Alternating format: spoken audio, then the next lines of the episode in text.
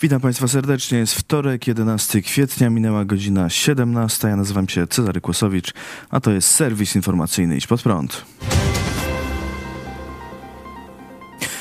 Znany ksiądz odszedł z kościoła katolickiego i został protestantem. Dominikanin z Wrocławia Marcin Mogielski w sobotę poinformował na Facebooku, że odszedł z kościoła katolickiego i został luteraninem. We wpisie byłego zakonnika czytamy – Drodzy, po ciężkich latach domagania się od instytucji kościelnej stanięcia po stronie skrzywdzonych i wykluczonych, odkryłem, że ten system nie chce zmian.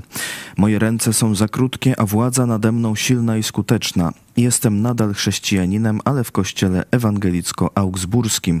Wreszcie u siebie, w bezpiecznym domu. Jezus, Ewangelia i człowiek. Każdy bez wyjątku, umiłowane Boże dziecko, odkupione i zbawione ojcowską miłością Boga. W jednym z ostatnich kazań, jakie wygłosił jeszcze w kościele katolickim, Mogielski stwierdził, że Kościół ogarnęła ciemność. I wróćmy do listu świętego Pawła Apostoła do Efezjan, bo bardzo dobrze odnosi się do tego, co przeżywamy w Kościele, a szczególnie w Kościele polskim, gdzie cały czas osoby skrzywdzone się nie liczą. Ja byłem skrzywdzony w Kościele, ministrant, pobożny, przez mamusię tatusia wysyłany do kościółka. Czy ktoś stanął po mojej stronie do tej pory? Nie. Głośno wołam, głośno krzyczę za siebie, za innych. Jak grochem o ścianę, mało tego, prawda jest używana przeciwko nam. Jak można głosić Ewangelię?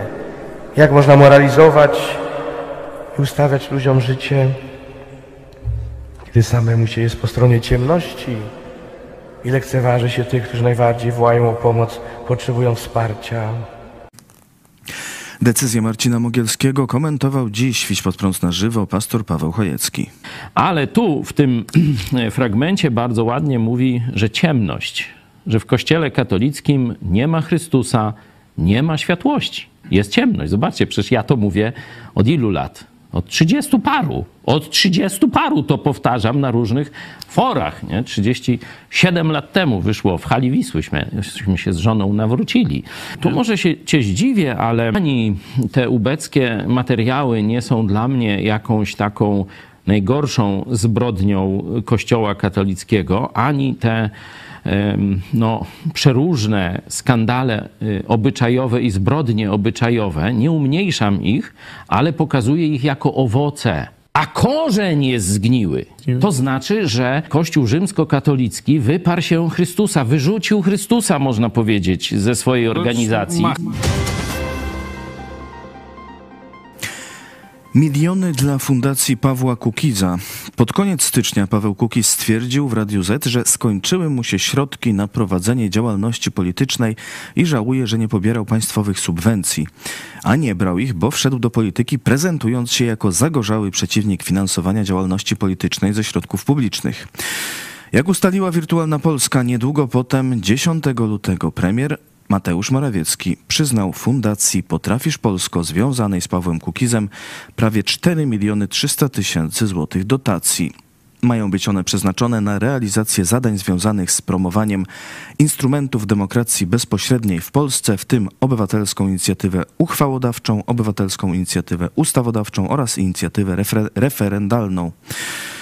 A tuż przed świętami wielkanocnymi okazało się, że Paweł Kukiz najprawdopodobniej wystartuje z list Prawa i Sprawiedliwości. Polityk od kilku miesięcy podkreślał, że pole do dalszej współpracy z PiS, w tym do wspólnego startu w wyborach parlamentarnych, pojawi się, gdy partia rządząca uchwali ustawę o sędziach pokoju i ustawę o referendach lokalnych, o które zabiegał.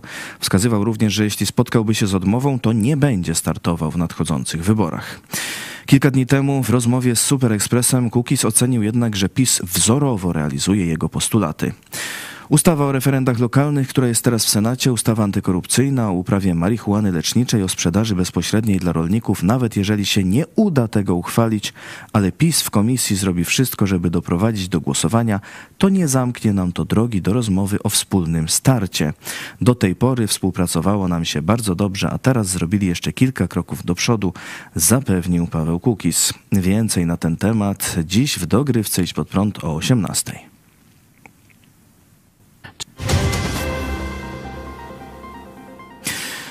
Kupował respiratory od handlarza bronią. Teraz został ministrem. W czwartek prezydent Andrzej Duda powołał Roberta Telusa na stanowisko ministra rolnictwa i rozwoju wsi, a Janusza Cieszyńskiego na stanowisko ministra cyfryzacji.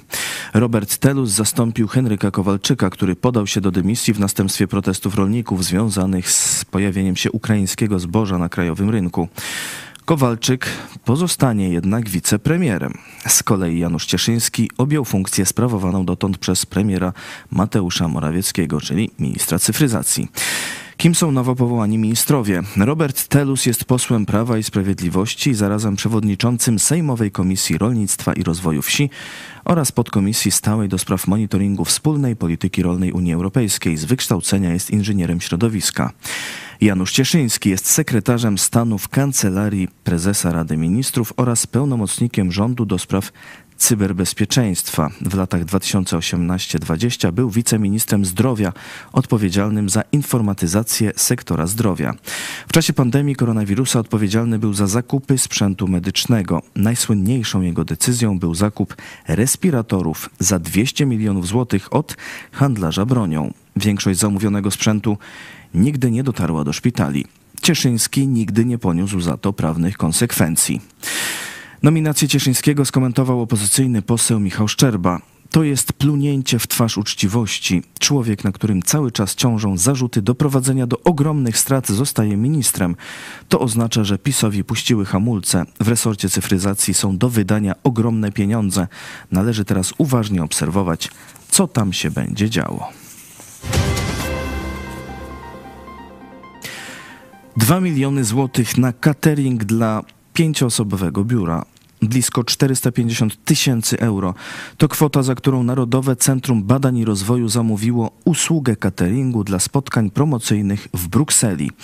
Sprawę opisuje Wirtualna Polska. Z dokumentacji przetargowej dotyczącej zakupu poczęstunków wynika, że przedmiotem zamówienia są usługi cateringowe realizowane dla Narodowego Centrum Badań i Rozwoju w budynku zlokalizowanym przy Rubeliard 40 w Brukseli lub innej lokalizacji w Belgii. Najkorzystniejszą ofertę na zakup usług cateringowych złożyła szczecińska firma, która zajmuje się m.in.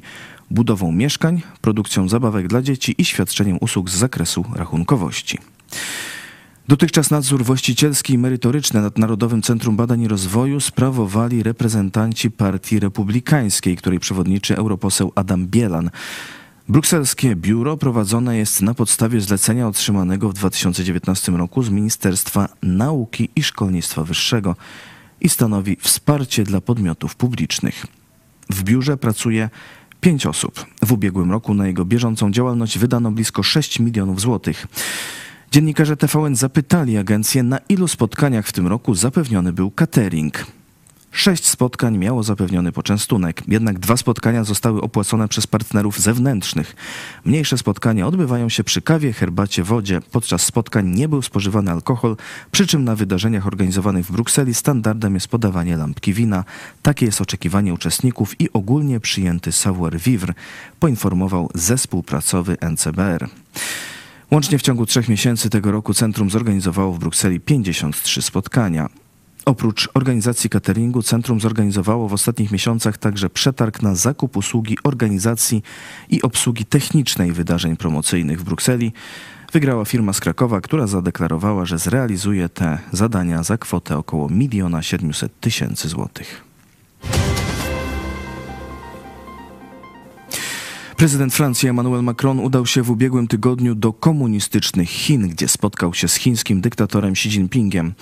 Podczas podróży powrotnej Macron udzielił głośnego wywiadu dla portalu Politico i innych francuskich mediów, w którym m.in. stwierdził, że napięcia wokół Tajwanu nie są sprawą Europy i że europejska polityka powinna bardziej dystansować się od polityki amerykańskiej.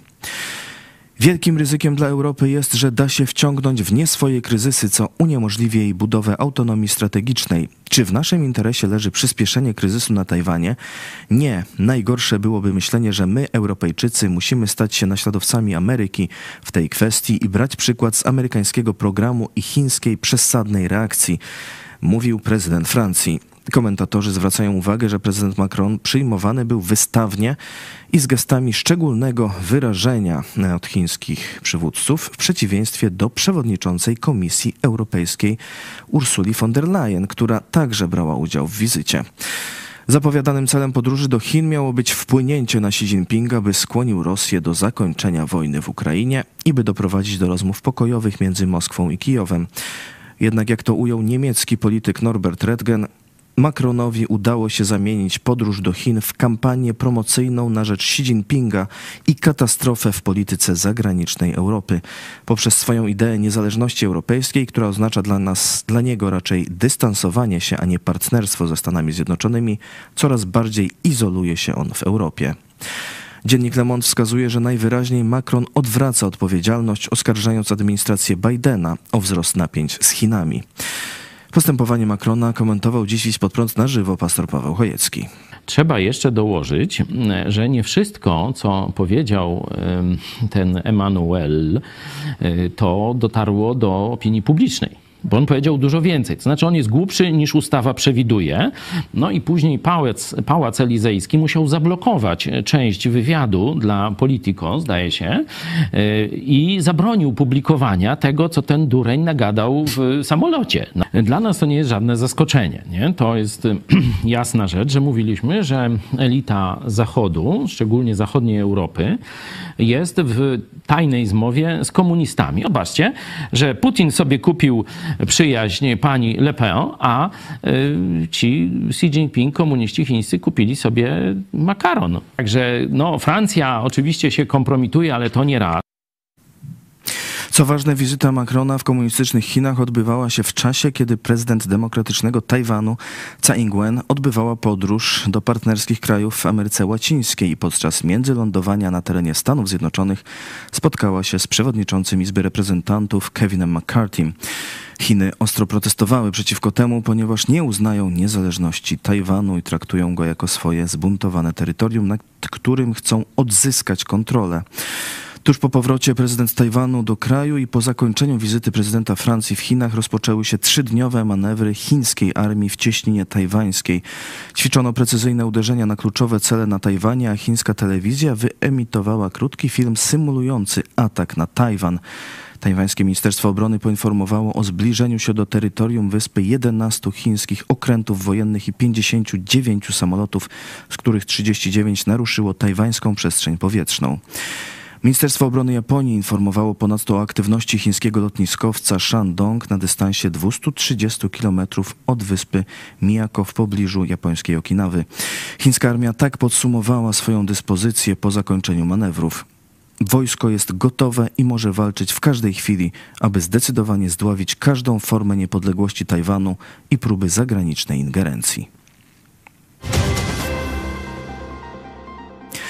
To wszystko w tym wydaniu serwisu. Dziękuję Państwu za uwagę. Kolejny serwis jutro o 17, a jeszcze dziś w telewizji pod prąd o 18.